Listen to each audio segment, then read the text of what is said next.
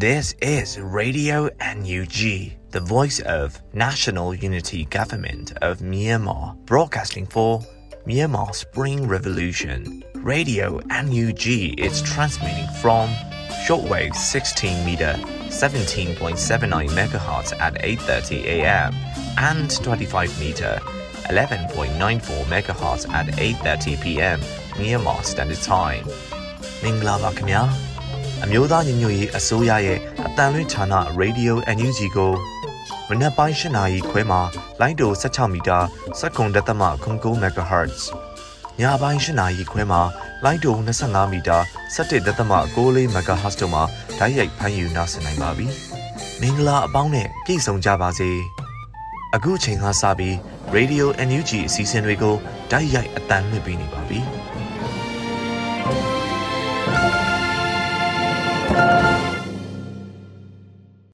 မြန်မာနိုင်ငံသူနိုင်ငံသားအပေါင်းတဘာဝအပြီးစစ်အာဏာရှင်ဘေးတို့ကနေကင်းဝေးပြီးဘေးကင်းလုံခြုံကျန်းမာကြပါစေလို့ရေဒီယိုအယူဂျီအဖွဲ့သားများကစွတောင်းမြစ်တာပို့သလိုက်ရပါတယ်ရှင်ပထမဆုံးအနေနဲ့ကာကွယ်ရေးဝန်ကြီးဌာနရဲ့စီရေးသတင်းချင်းချုပ်ကို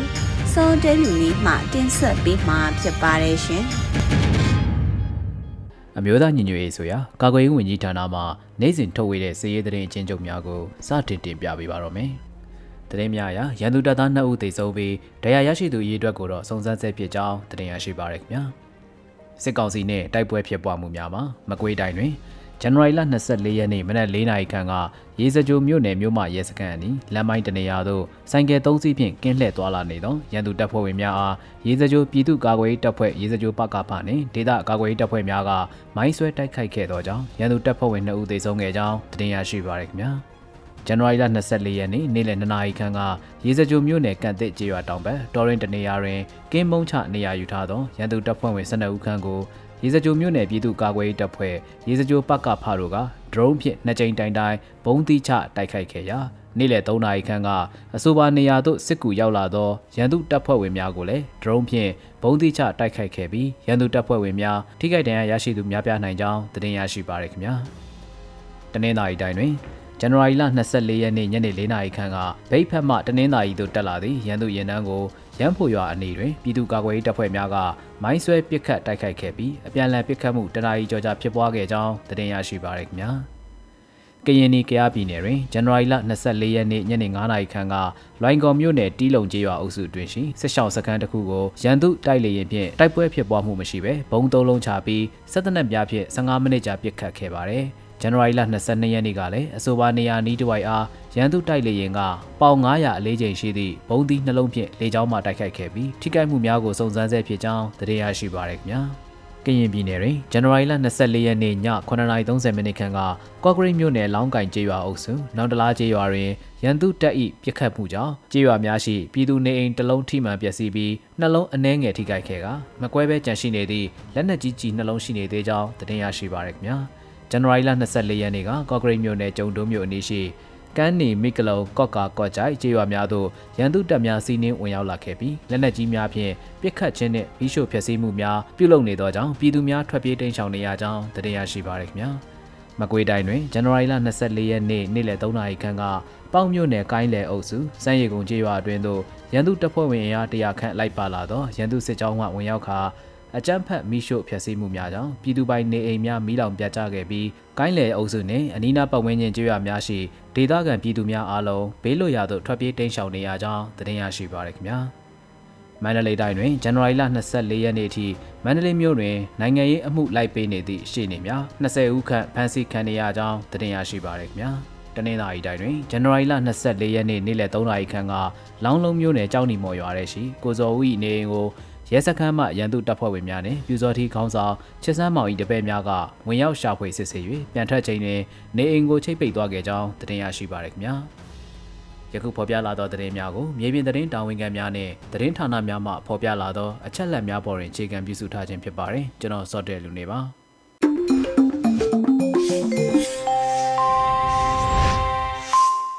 ဆက်လက်ပြီး Radio UNG ရဲ့နောက်ဆုံးရသတင်းများကို လွတ်လပ်နေဦးမှဖက်ချန်းတင်ပြပြီးမှဖြစ်ပါတယ်ရှင်မင်္ဂလာပါခင်ဗျာအခုချိန်ကစပြီး2023ခုနှစ်ဇန်နဝါရီလ26ရက်ရေဒီယို UNG ရဲ့မနက်ပိုင်းပြည်တွင်းသတင်းများကိုစတင်ဖတ်ကြားပါတော့မယ်ကျွန်တော်ကလွတ်လပ်နေဦးပါနိုင်ငံရေးစစ်ရေးဗန္ဒာရေးအာသာချက်တွေဟာအခြားသောနိုင်ငံကတော်လှန်ရေးတွေထက်ပိုသာလို့ဒီຫນွေဥတော်လှန်ရေးမနိုင်စရာမရှိဘူးလို့ပြည်ထောင်စုဝန်ကြီးချုပ်မန်းဝင်းခိုင်တန်းက ပြောကြားလိုက်ပါတယ်ဇန်နဝါရီလ24ရက်နေ့ကတောင်ပိုင်းစစ်ဒေသစစ်ဒေသခွဲအမှတ်3တွင်ပြုလုပ်သောကျက်တစ်နယ်စစ်ကြောင်းမွန်းမှန်တင်တန်းဆင်းပွဲသို့ပေးပို့ခဲ့သောဝန်ကြီးချုပ်ရဲ့တဝန်လာမှာအခုလိုပြောဆိုခဲ့တာဖြစ်ပါတယ်။နွေဦးဒေါ်လာရေးကာလနှစ်နှစ်မပြည့်ခင်မှာရရှိထားပြီးဖြစ်တဲ့နိုင်ငံရေးစစ်ရေးဗန္ဒာရေးအာသာချက်တွေဟာအခြားသောနိုင်ငံကဒေါ်လာရေးတွေထက်ပိုသာလျက်ရှိတယ်။မိမိတို့မနိုင်စရာလုံးဝမရှိဘူးလို့ပြည်ထောင်စုဝန်ကြီးချုပ်ကဆိုပါတယ်။လက်ရှိမှာ အမျိုးသားညီညွတ်ရေးအစိုးရဟာအမေရိကန်ဒေါ်လာတန်တရာကျော်ဗန္ဒာရေးရန်ပုံငွေရှာဖွေနိုင်ခဲ့တယ်လို့စီမံဘဏ္ဍာဝန်ကြီးဌာနကထုတ်ပြန်ထားချက်အရသိရပါတယ်ခင်ဗျာအမျိုးသားညွရေးအစိုးရအနေနဲ့ကာကွယ်ရေးတပ်ဖွဲ့များကိုလက်နက်တပ်ဆင်မှုအပိုင်းမှာအင်းနဲ့အားနဲ့ထောက်ကူဆောင်ရွက်နေတယ်လို့အသိပေးပြောဆိုထားပါတယ်ဇန်နဝါရီလ25ရက်နေ့မှာပြည်ထောင်စုဝန်ကြီးဦးတင်ထွန်းနိုင်ကအခုလိုအသိပေးပြောဆိုထားပါတယ်တရင်ထုတ်ပြန်မှုအကန့်အသတ်အရ နေရာဒေသတချို့ကိုသာတပ်ဆင်ပေးနေကြောင်းအသိပေးနေရပါတယ်လက်တွေ့မြေပြင်မှာအကုန်လုံးလွှမ်းခြုံမနိုင်သေးတော့ညာတခြားနေရာတွေမှာလည်းအင်းနဲ့အားနဲ့ထောက်ကူဆောင်ရွက်တက်ဆင်လျက်ရှိပါတယ်။တော်လန်ပြည်သူတွေရဲ့အင်တိုက်အားတိုက်ပုံအောလိုက်ပါမှုရဲ့အသည့်အပွင့်တွေဝေစာပြီးအောင်ပွဲကနီးတဲ့ထက်နီးလာခဲ့ပါပြီလို့ဝန်ကြီးကဆိုပါတယ်။လက်ရှိမှာကျက်သစ်နဲ့စစ်ကြောင်းနဲ့ဒေါနာစစ်ကြောင်းတို့ရဲ့မွမ်းမံတင်သားများမှာကာကွယ်ရေးတပ်ဖွဲ့ဝင်များကိုလက်နက်တပ်ဆင်ပေးမှုများအား အန်ယူဂျီအစိုးရကသတင်းထုတ်ပြန်ခဲ့ပါတယ်ခင်ဗျာ။တရားမဝင်စစ်အာဏာသိမ်းမှုနှစ်နှစ်တာကြာမြင့်တဲ့ကာလတစ်လျှောက်တွင်လူမဆန်သောစစ်တပ်အနေနဲ့ပြည်တွင်းတရားဥပဒေစိုးမိုးရေးကိုလုံးဝအုပ်တုံဖျက်ဆီးခဲ့တယ်လို့တန်အမတ်ကြီးဦးကျော်မိုးထွန်းကပြောကြားလိုက်ပါတယ်။ဇန်နဝါရီလ24ရက်နေ့ကလူမျိုးတုံးတပ်ဖြတ်မှုစစ်ရာဇဝတ်မှုလူမျိုးတုံးတုတ်တင်ရှင်းလင်းမှုနဲ့လူသားမျိုးနွယ်စုအပေါ်ကျူးလွန်သည့်ရာဇဝတ်မှုတို့အားကာကွယ်နိုင်မည့်လူမှုရေးနဲ့စီးပွားရေးလှုပ်ဆောင်ချက်များခေါင်းစဉ်နဲ့ပြုလုပ်တဲ့ အထူးအစည်းအဝေးမှာတန်မတ်ကြီးကဆိုပါတယ်။ဖက်စစ်စစ်တပ်အနေဖြင့်၎င်းတို့ကျူးလွန်သည့်ရာဇဝတ်မှုများကိုရပ်တန့်ခြင်းမရှိဘဲ2021ခုနှစ်ဖေဖော်ဝါရီလတွင်တရားမဝင်စစ်အာဏာသိမ်းမှုကိုပင်ကျူးလွန်ခဲ့ကြောင်းတရားမဝင်စစ်အာဏာသိမ်းမှုနှစ်နှစ်တာကြာမြင့်သည့်ကာလတစ်လျှောက်တွင်လူမဆန်သောစစ်တပ်အနေဖြင့်ပြည်တွင်းတရားဥပဒေစိုးမိုးရေးကိုလုံးဝအုပ်တုံဖျက်ဆီးခဲ့ကြောင်းထို့ကြောင့်မြန်မာပြည်သူများနဲ့ဒေသတွင်အခြေအနေပေါ်ကြီးလေးသောနောက်ဆက်တွဲအကျိုးဆက်များ ဖြစ်ပေါ်စေခဲ့ကြောင်းတန်မတ်ကြီးကဆိုပါတယ်။အဆိုပါအစည်းအဝေးတွင် ကုလသမဂ္ဂအထွေထွေညီလာခံတဘာပတိကုလသမဂ္ဂအတွင်းရေးမှူးချုပ်ကိုစားလူမျိုးတုံးတပ်ဖြတ်ရေးကြိုတင်ကာကွယ်ရေးဆိုင်ရာအထူးအကြံပေးပုဂ္ဂိုလ်လူအခွင့်ရေးကောင်စီဥက္ကဋ္ဌနဲ့ငြိမ်းချမ်းရေးတိဆောက်ရေးကော်မရှင်ဥက္ကဋ္ဌတို့က pre-recorded video နဲ့အဖွင့်မှာစကားများပြောကြားခဲ့ပါတယ်ခင်ဗျာစစ်အုပ်စုကိုနိုင်ငံရေးနဲ့ငွေကြေးအထောက်ပံ့ပေးအပ်မှုတွေမှာပါဝင်ပတ်သက်သူတွေက နိုင်ငံတကာအစိုးရ22ခုကုလသမဂ္ဂအဖွဲ့အစည်း14ဖွဲ့အပါအဝင်နိုင်ငံတကာအစိုးရအဖွဲ့အစည်း26ဖွဲ့နိုင်ငံတကာငွေရေးကြေးအဖွဲ့အစည်း10ဖွဲ့နဲ့အခြားနိုင်ငံတကာအဖွဲ့အစည်း10ဖွဲ့တို့ပါဝင်တယ်လို့ဖော်ပြထားပါတယ်။စစ်အုပ်စုအနေနဲ့နိုင်ငံတကာဆုံးဖြတ်ချက်ချရေးဖိုရမ်တွေမှာတက်ရောက်ခွင့်ရတာဖြွံ့ဖြိုးရေးအကူအညီတွေဤပညာပူးပေါင်းဆောင်ရွက်မှုတွေချီးငွေတွေအခြေခံအဆောက်အုံဆိုင်ရာစီမံကိန်းတွေအပြင်အခြားအရာတွေကတဆင့် နိုင်ငံရေးနဲ့ဗန္ဒာရေးအရာအကျိုးမြတ်တွေရရှိနေတယ်လို့ဆိုပါတယ်။ဒါအပြင်စစ်တပ်နဲ့ဆက်နွယ်တဲ့စီးပွားရေးလုပ်ငန်းတွေရဲ့ဟိုတယ်ကန်းတွေရုံးကန်းတွေနဲ့လူနေအိမ်တွေစတဲ့ပိုင်ဆိုင်မှုပစ္စည်းတွေငှားရမှုတို့လည်းပါဝင်တယ်လို့ဆိုပါတယ်ခင်ဗျာကရင်ပြည်ဖရူဆိုအနောက်ဘက်ချမ်းစစ်ပေးရှောင်စခန်းတွင် လေးလကြာမှသာလျှင်ပထမဆုံးအကြိမ်စံပြန်လဲမျှဝေပေးနိုင်ခဲ့ပြီးစားနပ်ရိက္ခာလိုအပ်ချက်တွေရှိနေတယ်လို့ဆိုပါတယ် ဇန်နဝါရီလ25ရက်နေ့မှာကရင်ပြည်စစ်ပေးရှောင်များနဲ့ပတ်သက်လို့ UKSY ကဖော်ပြအသိပေးပါတယ်ယခုမြေပြင်အခြေအနေအရဇန်နဝါရီလ22ရက်နေ့ကရင်ပြည်နယ်ဖရူဆိုမြို့နယ်အနောက်ဘက်ချမ်းရှိစစ်ဘေးရှောင်စခန်းတနေရာသည်လေးလကြာမှသာလျှင်ပထမဆုံးကြိမ်စံပြန်လဲဝေမျှပေးနိုင်ခဲ့ပါတယ်။တချို့မိသားစုတွေဆိုစံကိုချီးစားနေရတယ်လို့ဖော်ပြပါတယ်။အဆိုပါစစ်ရှောင်စခန်းမှာလူဦးရေ1118ဦးရှိကအိမ်ချီက228အိမ်ရှိကြောင်းသိရပါတယ်။ ဆီယာနာသိမ်းပြီးနောက်ပိုင်းကရင်ပြည်သူလူထုများသည်လွတ်မြောက်ရာဒေသများကိုစစ်ပေးတိန့်ရှောင်နေကြရပြီးကရင်ပြည်နယ်တွင်ပြမ်းမြစစ်ရှောင်ဥယေ2သိန်းကျော်ခန့်ရှိနေပြီးစားဝတ်နေရေးအတွက်လွန်စွာခက်ခဲလျက်ရှိတယ်လို့သိရပါတယ်ခင်ဗျာပြည်သူများရဲ့ဆဋ္ဌမအကြိမ်မြောက် For Our People လှုပ်ရှားမှုတွင်ပြည်သူ့ကာကွယ်ရေးတပ်မတော်မန္တလေးအတွက် NUGP နဲ့ NUGP နဲ့အတူ ထောက်ပို့ကူညီနိုင်တယ်လို့သတင်းရရှိပါတယ်။ဇန်နဝါရီလ25ရက်နေ့မှာ NUG ပေးကနေအသိပေးဖော်ပြတာဖြစ်ပါတယ်။ပြည်သူများရဲ့ဆဋ္ဌမအကြိမ်မြောက် For Our People လှုပ်ရှားမှုတွင်ပြည်သူ့ကာကွယ်ရေးတပ်မတော်မန္တလေးအတွက်ပြည်သူနဲ့အတူ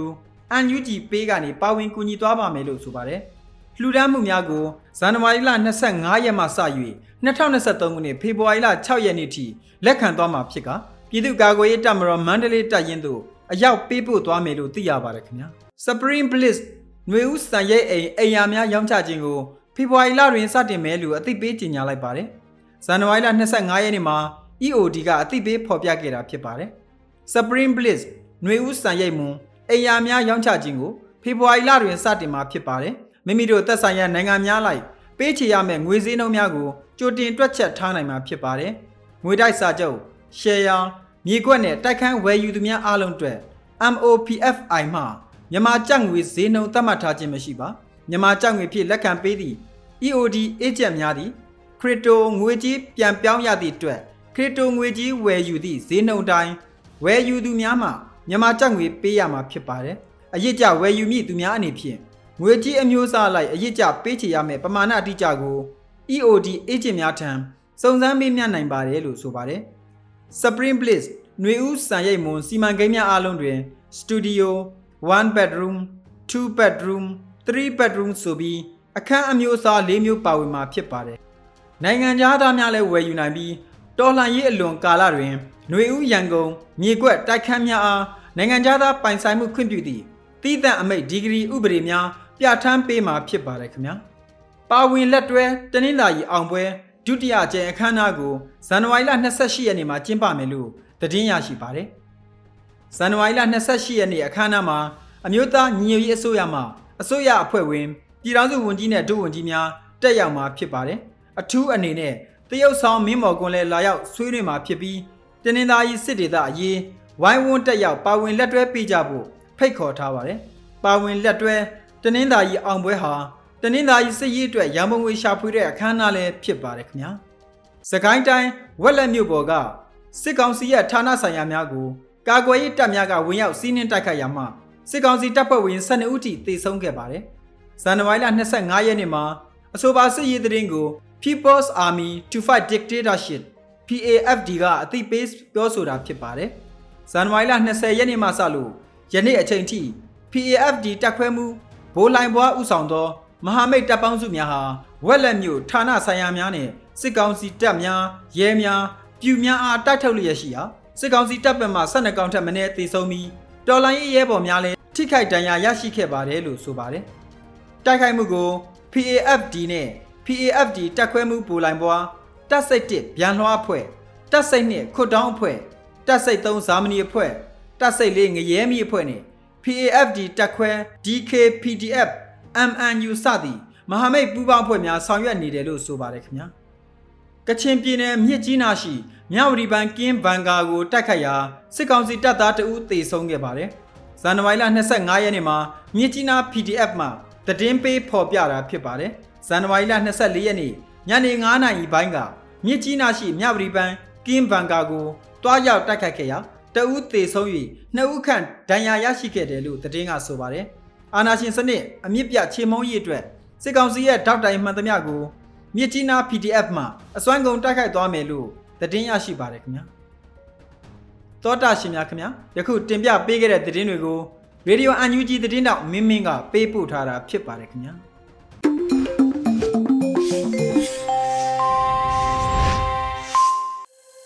ရေဒီယိုအယူဂျီမှဆက်လက်တင်ပြနေပါတယ်အခုဆက်လက်ပြီးတော်လင်းဤပညာကဏ္ဍမှာတော့ VPN ဆိုတာဘာလဲဆိုတဲ့လုံခြုံစွာအင်တာနက်အသုံးပြုရေးနည်းလမ်း ဒီစိတ်တစ်ပိုင်းကိုတင်ဆက်ပေးထားပါတယ်ရှင်။ VPN ဆိုတာဘာလဲ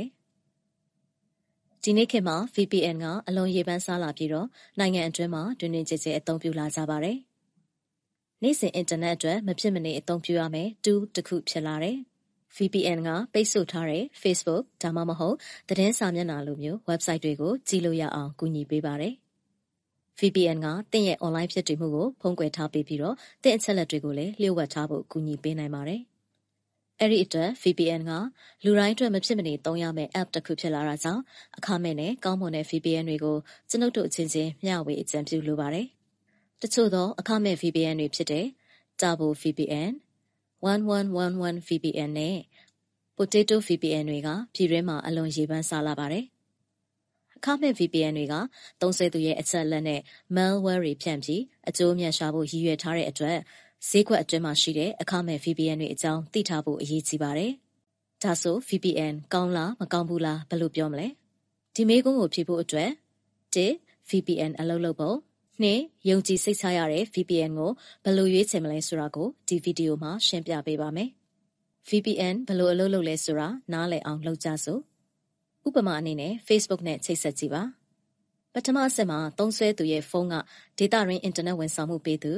ISP နဲ့ချိတ်ဆက်ပြီးတော့ Facebook ကိုချိတ်ဆက်ဖို့အတွက် ISP ကို message ပို့မှာဖြစ်တယ်။ဒုတိယအဆင့်မှာ ISP ကလက်ခံပြီး Facebook နဲ့ချိတ်ဆက်ပေးမှာဖြစ်တယ်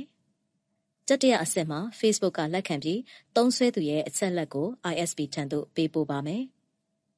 နောက်ဆုံးအဆင့်အနေနဲ့ ISP ကအဲ့ဒီအချက်လက်ကိုသုံးစွဲသူရဲ့မိုဘိုင်းဖုန်းကိုပေးပို့မှာဖြစ်ပါတယ်။ဒါကတော့ VPN မပါဘဲ Facebook နဲ့အင်တာနက်ချိတ်ဆက်မှုဖြစ်စဉ်ဖြစ်ပါတယ်။ VPN ကိုအသုံးပြုတယ်ဆိုရင်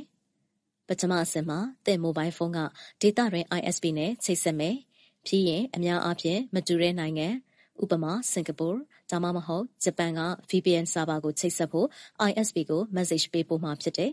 ဒုတိယအဆင့်မှာ ISP ကလက်ခံပြီး VPN server ကိုချိတ်ဆက်မှာဖြစ်တယ်။တတိယအဆင့်မှာ VPN စီသို့ Facebook ဆက်သွယ်မှုတောင်းဆိုဖို့အတွက်သင့် mobile phone မှာကုတ်ခွက်ထားသော message တစ်ခုပေးပို့မှာဖြစ်တယ်။စတုတ္ထအဆင့်မှာတော့ VPN က Facebook ကိုချိတ်ဆက်မယ်။အဲဒီနောက် Facebook ကသုံးစွဲသူရဲ့အချက်လက်ကို VPN ထံသို့ပြန်လည်ပေးပို့မှာဖြစ်တယ်။နောက်ဆုံးအဆင့်မှာတော့ VPN က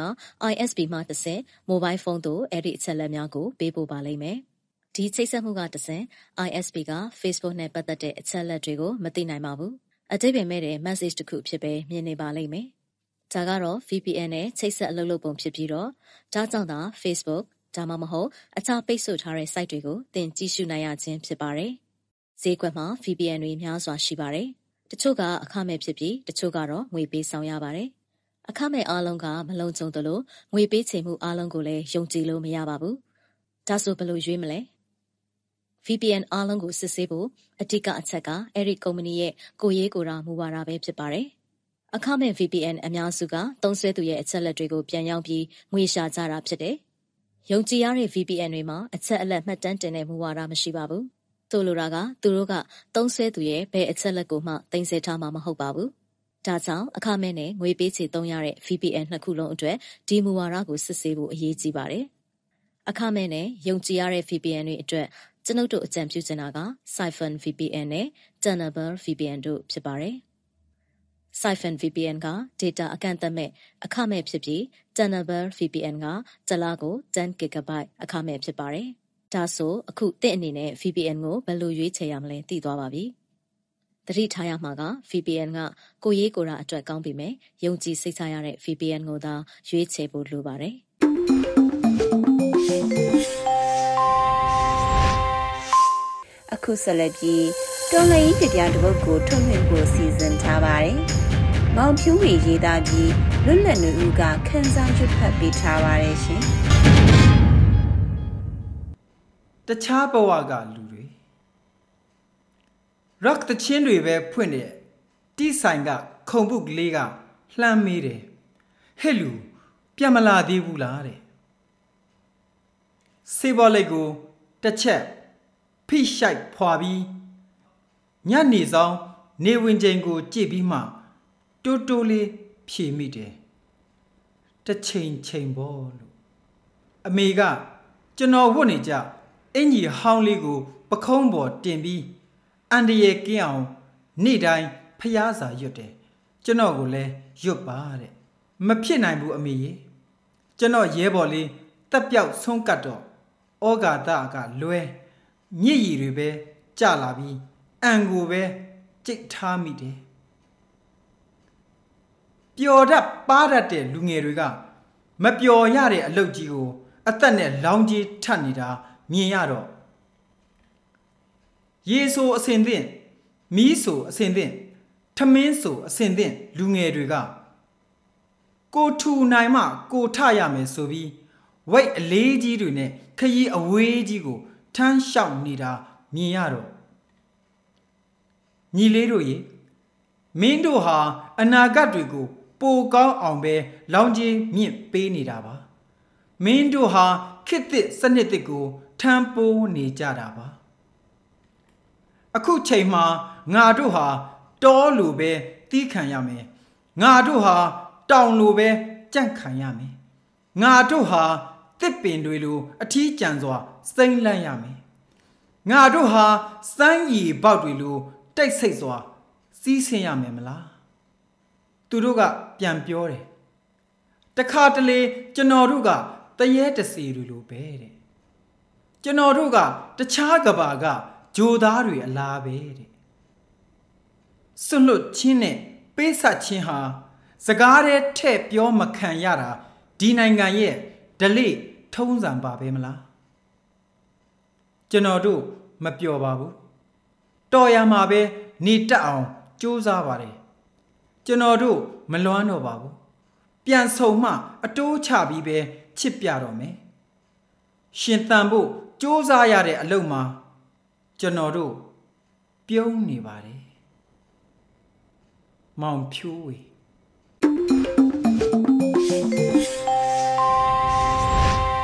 ရေဒီယိုအယူဂျီသောတာရှင်များရှင် PVTV ရဲ့နေ့စဉ်သတင်းများကိုထထအင်ဒရာအောင်မှဖက်ကြားတင်ပြပေးထားပါတယ်ရှင်အမျိုးသားညီညွတ်ရေးအစိုးရပြည်ထောင်စုနဲ့လူဝင်မှုကြီးကြပ်ရေးဝန်ကြီးဌာနက ပအဖပကဖနဲ့ဝင်ကြီးဌာနပြန်ကြားရေးတာဝန်ခံတွေအတွက်ပြုလုပ်တဲ့သတင်းနဲ့ပြန်ကြားရေးသင်တန်းကိုဗီဒီယိုကွန်ဖရင့်ကနေတစ်ဆင့်ဇန်နဝါရီလ24ရက်မနက်10:00နာရီမှာပြုလုပ်ခဲ့ရာပြည်ထောင်စုဝန်ကြီးဦးလွင်ကိုလက်တက်ရောက်အမှာစကားပြောကြားခဲ့ပါတယ်။ပြည်ထောင်စုဝန်ကြီးဦးလွင်ကိုလက်ကတော်လိုင်းရေးကာလကနှစ်နှစ်တာအချိန်ကာလကိုရောက်ရှိလာပြီး2023ခုနှစ်ကိုအဆုံးဖြတ်နှစ်လို့သတ်မှတ်ပြီးတော့အင်တိုက်အားတိုက်ဆောင်ရွက်ကြရမယ့်အချိန်ကာလတစ်ခုဖြစ်တဲ့ဒေါ်လာရေးရဲ့အဆင့်တိုင်းမှာပြည်သူရဲ့ပါဝင်မှုကဒေါ်လာရေးအောင်မြင်ရေးအတွက်အခရာဖြစ်တယ်လို့ဒေါ်လာရေးရဲ့တအုပ်မှာသွားနေတဲ့အမျိုးသားညီညွတ်ရေးအစိုးရနဲ့ပေါင်းဆက်ပြီးဆောင်ရွက်နေတဲ့အဖွဲ့အစည်းတည်တည်မှရှိတဲ့တာဝန်ရှိသူအားလုံးရဲ့ကဏ္ဍပိုင်းဆိုင်ရာများပြင်လုပ်ငန်းပိုင်းဆိုင်ရာအားကောင်းရေးကလည်းအခရာကြတယ်အထူးသဖြင့်ပြန်ကြားရေးကဏ္ဍကလွန်စွာအရေးကြီးပြီးတော့အသွားနှစ်ဖက်ပါတဲ့ဓာတ်ကဲ့သို့တတိထားပြီးကြိုက်တွဲကြမှာဖြစ်တဲ့သတင်းတင်ဆက်မှုမှာမူဝါဒများလုံခြုံရေးပိုင်းဆိုင်ရာများကိုအထူးသတိထားဂရုစိုက်ရန်လိုအပ်တဲ့။ အုပ်ချုပ်ရေးပိုင်းဆိုင်ရာလှုပ်ရှားမှုလူသားချင်းစာနာမှုဆိုင်ရာလှုပ်ရှားမှုတွေကိုသတင်းတင်ဆက်ရမှာတမယိုးကြတင်ဆက်တဲ့ပုံစံမျိုးမဟုတ်ဘဲပြည်သူအတွက်သတင်းစကားဖြစ်ရန်ညီညွတ်စေရန်နဲ့စိတ်ခံစားမှုကိုအားကောင်းအောင်ဆောင်ရွက်ကြမှာဖြစ်တဲ့။တရဲမိုင်းဆိုင်ရာကစိတ်သက်စစ်စင်ရေးနဲ့ပတ်သက်လို့အမတန်အရေးကြီးတဲ့ကဏ္ဍတစ်ခုဖြစ်တဲ့စိတ်သက်စစ်စင်ရေးအားကောင်းနေတဲ့၍တော်လှန်ရေးကပုံမတက်ကြွလာမှာဖြစ်တဲ့ယခုသင်တန်းကိုစ조사လေ့လာပြီးတော့သင်တန်းပြီးဆုံးတဲ့အခါမှာလက်တွေ့အသုံးချဖို့လိုအပ်တယ်။ နေဦးတော်လိုင်းလှုပ်ရှားမှုကဏ္ဍအသီးသီးကိုမြို့နယ်အလိုက်မှာအယောင်တင်ပြီးပြည်သူကိုအားပေးမှုဆောင်ရွက်ရန်နဲ့အချင်းချင်းညီညွတ်ကြကတနစ်မဟာဗျူဟာစိတ်သက်စစ်စင်ရေးကဏ္ဍကနေဝိုင်းဝန်းဆောင်ရွက်ကြမှာဖြစ်တယ်။တင်နန်းဖြစ်မြောက်ရေးအတွက်ဝိုင်းဝန်းစီစဉ်ပေးကြတဲ့တာဝန်ရှိသူများတင် जा ပေးတဲ့ဆရာများအားလုံးကိုလေးစားဂုဏ်ယူပါကြောင်းပြောကြားခဲ့ပါတယ်။အဆိုပါတင်နန်းမှာ social media platform ကိုပုံမူကောင်းမွန်စွာအသုံးချဆောင်ရွက်နိုင်မှုအတွက်ရည်ရွယ်ထားပြီးတော့ ဇန်နဝါရီလ24ရက်ကနေ28ရက်နေ့အထိ၄ရက်တာတင်နန်းပို့ချသွားမှာဖြစ်ပါတယ်။တင်နန်းကိုပြည်သူ့အုပ်ချုပ်ရေးအဖွဲ့များပြည်သူ့လုံခြုံရေးအဖွဲ့များနဲ့ဝန်ကြီးဌာန၅ခုကပြန်ကြားရေးတာဝန်ခံတွေတက်ရောက်ခဲ့တယ်လို့ပြည်ထောင်နယ်လူဝင်မှုကြီးကြပ်ရေးဝန်ကြီးဌာနကသတင်းထုတ်ပြန်ပါတယ်။ဆလတ်တင်ဆက်ပေးမှာကပြည်သူ့ကာကွယ်ရေးတမတော်ကျက်တစ်နက်စစ်ကြောင်းကမောမတ်တင်နန်းစင်ပွဲပြုလုပ်တဲ့တဲ့မှာ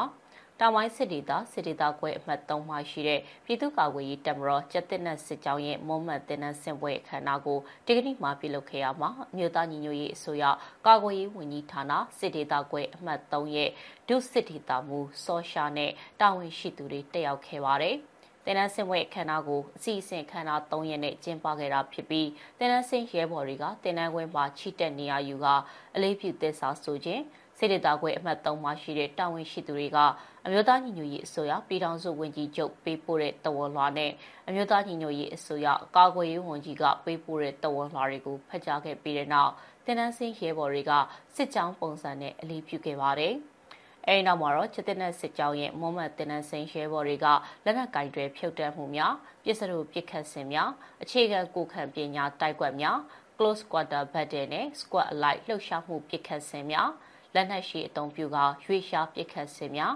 VIP ကာကွယ်မှုတပ်တော်ဆောင်များရဲ့ဗျူဟာများနဲ့စစ်ပွဲအတွင်းအရေးပေါ်အခြေအနေတွေမှာဒုနာတည်ယူရန်နဲ့နီလန်များနဲ့ကျိုးစင်းပစ်ခတ်စစ်များအစရှိတာတွေကိုလေ့ကျင့်ရေးပြေဝနေတဲ့ပြည်သူ့ကာကွယ်ရေးတမတော်စစ်တပ်နဲ့စစ်ကြောင်းရဲ့မွမ်းမတ်တင်နန်းစင်ရဲဘော်တွေကတရုတ်ဖော်ပြသခဲ့ပါတယ်။ အမျိုးသားညီညွတ်ရေးအစိုးရကာကွယ်ရေးဝန်ကြီးဌာနတောင်ပိုင်းစစ်ဒေသစစ်ဒေသခွဲအမှတ်3မှဒုစစ်ဒေသမူစောရှာကဂုံပြုမိန်ကိုပြောကြားခဲ့ပြီးတော့အမျိုးသားညီညွတ်ရေးအစိုးရကာကွယ်ရေးဝန်ကြီးဌာနကတပ်ဆင်ပေးတဲ့လက်နက်တွေနဲ့အမျိုးသားညီညွတ်ရေးအစိုးရပြည်ထောင်စုဝန်ကြီးချုပ်ကပေးပို့တဲ့ဂုံပြုငွေ10သိန်းကျပ်တီတီကိုလည်းမွမ်းမံတင်တဲ့စင်ရှဲဘော်တွေကိုပေးအပ်ခဲ့တယ်လို့သိရပါတယ်။အခုတင်ဆက်ပေးမှာကအကြမ်းဖက်စစ်တပ်ကမင်းနဲ့မျိုးကစစ်ရှောင်းကူညီသူတွေနေထိုင်တဲ့ဖုန်ကြီးကျောင်းနဲ့ပြည်သူတွေရဲ့နေအိမ်တွေကိုလေကြောင်းကနေပုံကျဲတိုက်ခိုက်တဲ့တဲ့တင်မှာ ချင်းပြည်နယ်မင်းတပ်မြို့နယ်ပလိတ်ထွေကျေးရွာမှာရှိတဲ့လူနေအိမ်နဲ့ကျေးရွာဖုန်ကြီးကျောင်းကိုအကြမ်းဖက်စစ်ကောင်စီတပ်ကတိုက်ပွဲဖြစ်ပွားမှုမရှိဘဲတိုက်လီရင်နဲ့ဘုံကျဲခြင်းပြစ်ခတ်တိုက်ခိုက်ခြင်းလှုံ့ဆော်ခဲ့တယ်လို့မင်းတပ်မြို့နယ်ပြည်သူ့အုပ်ချုပ်ရေးအဖွဲ့ပအဖကထုတ်ပြန်ပါတယ်။ဇန်နဝါရီလ23ရက်မနက်7:00နာရီမှာအခုလိုဘုံကျဲတိုက်ခိုက်ခဲ့တာဖြစ်ပြီးတော့ဘုံကျဲခံရတဲ့ဖုန်ကြီးကျောင်းဟာမြို့နယ်စစ်ဘေးရှောင်း IDP တွေကိုကုညီသူအရက်သားများ volunteer များနေထိုင်ရာနေရာဖြစ်တယ်လို့ဖော်ပြထားပါတယ်။ လေရင်နဲ့ပြစ်ခတ်ပုံကျဲတိုက်ခိုက်မှုကြောင့်လူနေအိမ်နှလုံးဖုံကြီးကျောင်းနဲ့တိမ်တို့ပျက်စီးခဲ့တယ်လို့လေရင်ဘုံဆန်ကြောင့်ထိခိုက်ဒဏ်ရာရသူတွေလည်းရှိကြောင်းထုတ်ပြန်ထားပါတယ်။အခုလိုဘုံကျဲတိုက်ခိုက်မှုဟာဘာသာရေးအဆောက်အဦကိုတိုက်ခိုက်ရုံမကအရက်ဖက်စစ်ဘေးရှောင်တွေကိုပါရည်ရွယ်ချက်ရှိရှိအောက်တန်းကျစွာဥတီတိုက်ခိုက်ခြင်းဖြစ်တယ်လို့မင်းတပ်ပဖာရေးထုတ်ပြန်ချက်မှာဖော်ပြထားပါတယ်။ အကြမ်းဖက်စစ်ကောင်စီတပ်ဟာဇန်နဝါရီလပထမပတ်ကစပြီးတော့မင်းတပ်မြို့နယ်ကကြေးရွာတွေကိုတိုက်ပွဲမဖြစ်ဘဲလေကြောင်းကနေတိုက်ခိုက်တာလက်နက်ကြီးနဲ့ပစ်ခတ်တာတွေပြုလုပ်ခဲ့ပါတယ်။အခုဇန်နဝါရီလအတွင်းမင်းတပ်မြို့နယ်ကိုအကြမ်းဖက်စစ်ကောင်စီတပ်ကလေကြောင်းတိုက်ခိုက်မှုရှစ်ကြိမ်ပြုလုပ်ခဲ့ကြောင်းမင်းတပ်ချင်းကာကွယ်ရေးတပ် CDF ကထုတ်ပြန်ခဲ့ပြီးဒီလိုတိုက်ခိုက်မှုတွေကြောင့်စစ်ပေးရှောင်ပြည်သူ၄ဦးထိခိုက်ဒဏ်ရာရရှိခဲ့တယ်လို့အသိပေးထားပါတယ်။ ဘာသာရေးအဆောက်အအုံများစစ်ဘေးရှောင်စခန်းများနဲ့အရတားပြည်သူတွေပေါ်ပြစ်မှတ်ထားပြီးအကြမ်းဖက်စစ်ကောင်စီရဲ့လေကြောင်းအုံပြုတိုက်ခိုက်မှုလက်နက်ကြီးတွေနဲ့တိုက်ခိုက်မှုတို့ဟာနိုင်ငံတကာလူသားချင်းစာနာထောက်ထားမှုဆိုင်ရာဥပဒေတွေကိုစန့်ကျင်တဲ့လုပ်ရဖြစ်ပြီးတော့လူသားမျိုးနွယ်ပေါ်ကျူးလွန်တဲ့ပြစ်မှုတွေနဲ့စိတ်အားဆွဲမှုတွေကျူးလွန်နေခြင်းဖြစ်ကြောင်းမင်းတပ် CDF ကထုတ်ပြန်ခဲ့ပါတယ်။ ဆက်လက်တင်ဆက်ပေးမှာကအကြမ်းဖက်စစ်တပ်ကချင်းရင်းမြေကြောင်တခြားဆုံဆင်းပြီးပြည်သူတွေကိုတပ်ဖြတ်တာနဲ့ပစ္စည်းတွေကိုအတ္တမယူဆောင်တာတွေပြုလုပ်နေတဲ့တဲ့တင်မှာအကြမ်းဖက်စစ်တပ်ကစကိုင်းတိုင်းတွင်ချင်းရင်းမြေကြောင်တခြားဆုံဆင်းနေပြီးတော့ပြည်သူတွေကိုတပ်ဖြတ်တာနဲ့ပစ္စည်းတွေကိုအတ္တမယူဆောင်နေတာတွေပြုလုပ်နေတယ်လို့ရင်းမပင်မြောက်ချမ်းတပိတ်အေယာစုကဒီကနေ့မှအသိပေးထုတ်ပြန်လိုက်ပါတယ်။ ချင်းနှမြစ်အတွင်းစုံစင်းလာတဲ့အကြံဖတ်စစ်တပ်ရဲ့အမြန်ရင်တင်မောတွေနဲ့ဖလက်ခွင်တွေကကြောက်မော်ရွာကိုဇန်နဝါရီလ19ရက်မှာစိုက်ကတ်တက်ဆွဲပြီးတော့လေးရက်အကြာဇန်နဝါရီလ23ရက်မှာပြန်လည်ထွက်ခွာတဲ့အခါပြည်သူတွေပိုက်ဆိုင်တဲ့ပစ္စည်းတွေကိုအတ္တမယူဆောင်သွားပါတယ်။အဲ့ဒီအကြံဖတ်စစ်တပ်ရဲ့ရေချောင်းကဇန်နဝါရီလ23ရက်နေ့မှာကြောက်မော်ကြောက်ကုန်းအင်ဘတ်ပဒိန်အပြင်အစရှိတဲ့ကြေးရွာတွေကိုဝင်ရောက်ပြီးတော့ နေအိမ်တွေကိုမိရှို့တာပစ္စည်းတွေကိုအရမယူဆောင်တာတွေပြုလုပ်ခဲ့တဲ့အပြင်ဗရင်ပြင်အင်ဖျားမှာအလုပ်လုပ်ပြီးတော့ပြန်လာတဲ့အသက်30အရွယ်ကိုနေထွန်းဆိုသူကိုဥကောင်းတဲ့လက်တွေကိုဖျက်ပြီးတော့တပ်ဖြတ်ခဲ့ပါတယ်။ဒါအပြင်အကျန်းဖတ်စစ်ကြောင်းကအင်ဖျားရွာကနေစုံချောင်းရွာကိုဝင်ရောက်ပြီးတော့အရသား9ဦးကိုဖမ်းဆီးခေါ်ဆောင်သွားရာတအူးသာပြန်လဲလွတ်မြောက်ခဲ့ပြီးတော့ချန်တဲ့ရွာသား၄ဦးကအဆက်အသွယ်မရသေးဘူးလို့ ရင်းမှတ်ပင်မြောက်ချမ်းတပိတ်အင်အားစုကအသိပေးထားပါတယ်။ဒီကနေ့ကတော့ဒီညနေပဲ Radio NUG ရဲ့အစည်းအဝေးကိုခਿੱတရရလိုက်ပါမယ်။မြန်မာစံတော်ချိန်မနက်၈နာရီခွဲနဲ့ည၈နာရီခွဲအချိန်တွေမှာပြန်လည်ဆုံးဖြတ်ကြပါစို့။ Radio NUG ကိုမနက်ပိုင်း၈နာရီခွဲမှာလိုင်းဒို16မီတာစက္ကန့်တသမ9 MHz ညပိုင်း၈နာရီခွဲမှာလိုင်းဒို25မီတာ17တသမ6 MHz တို့မှာဓာတ်ရိုက်ဖမ်းယူနားဆင်နိုင်ပါပြီ။မြန်မာနိုင်ငံသူနိုင်ငံသားများ ကိုစိတ်နှပြကျမ်းမာချမ်းသာလို့ဘေးကင်းလုံခြုံကြပါစေလို့ Radio NUG အဖွဲ့သူအဖွဲ့သားများကဆုတောင်းလိုက်ရပါတယ်။အမျိုးသားညီညွတ်ရေးအစိုးရရဲ့စက်သွေးရေးတရင်အချက်အလက်နဲ့ဤပညာဝန်ကြီးဌာနကထုတ်လွှင့်နေတဲ့ Radio NUG ဖြစ်ပါတယ်။ San Francisco Bay Area အခြေစိုက်မြန်မာမိသားစုများနဲ့နိုင်ငံတကာကစေတနာရှင်များလှုပ်အားပေးများရဲ့ Radio NUG ဖြစ်ပါတယ်။အရေးတော်ပုံအောင်ရမည်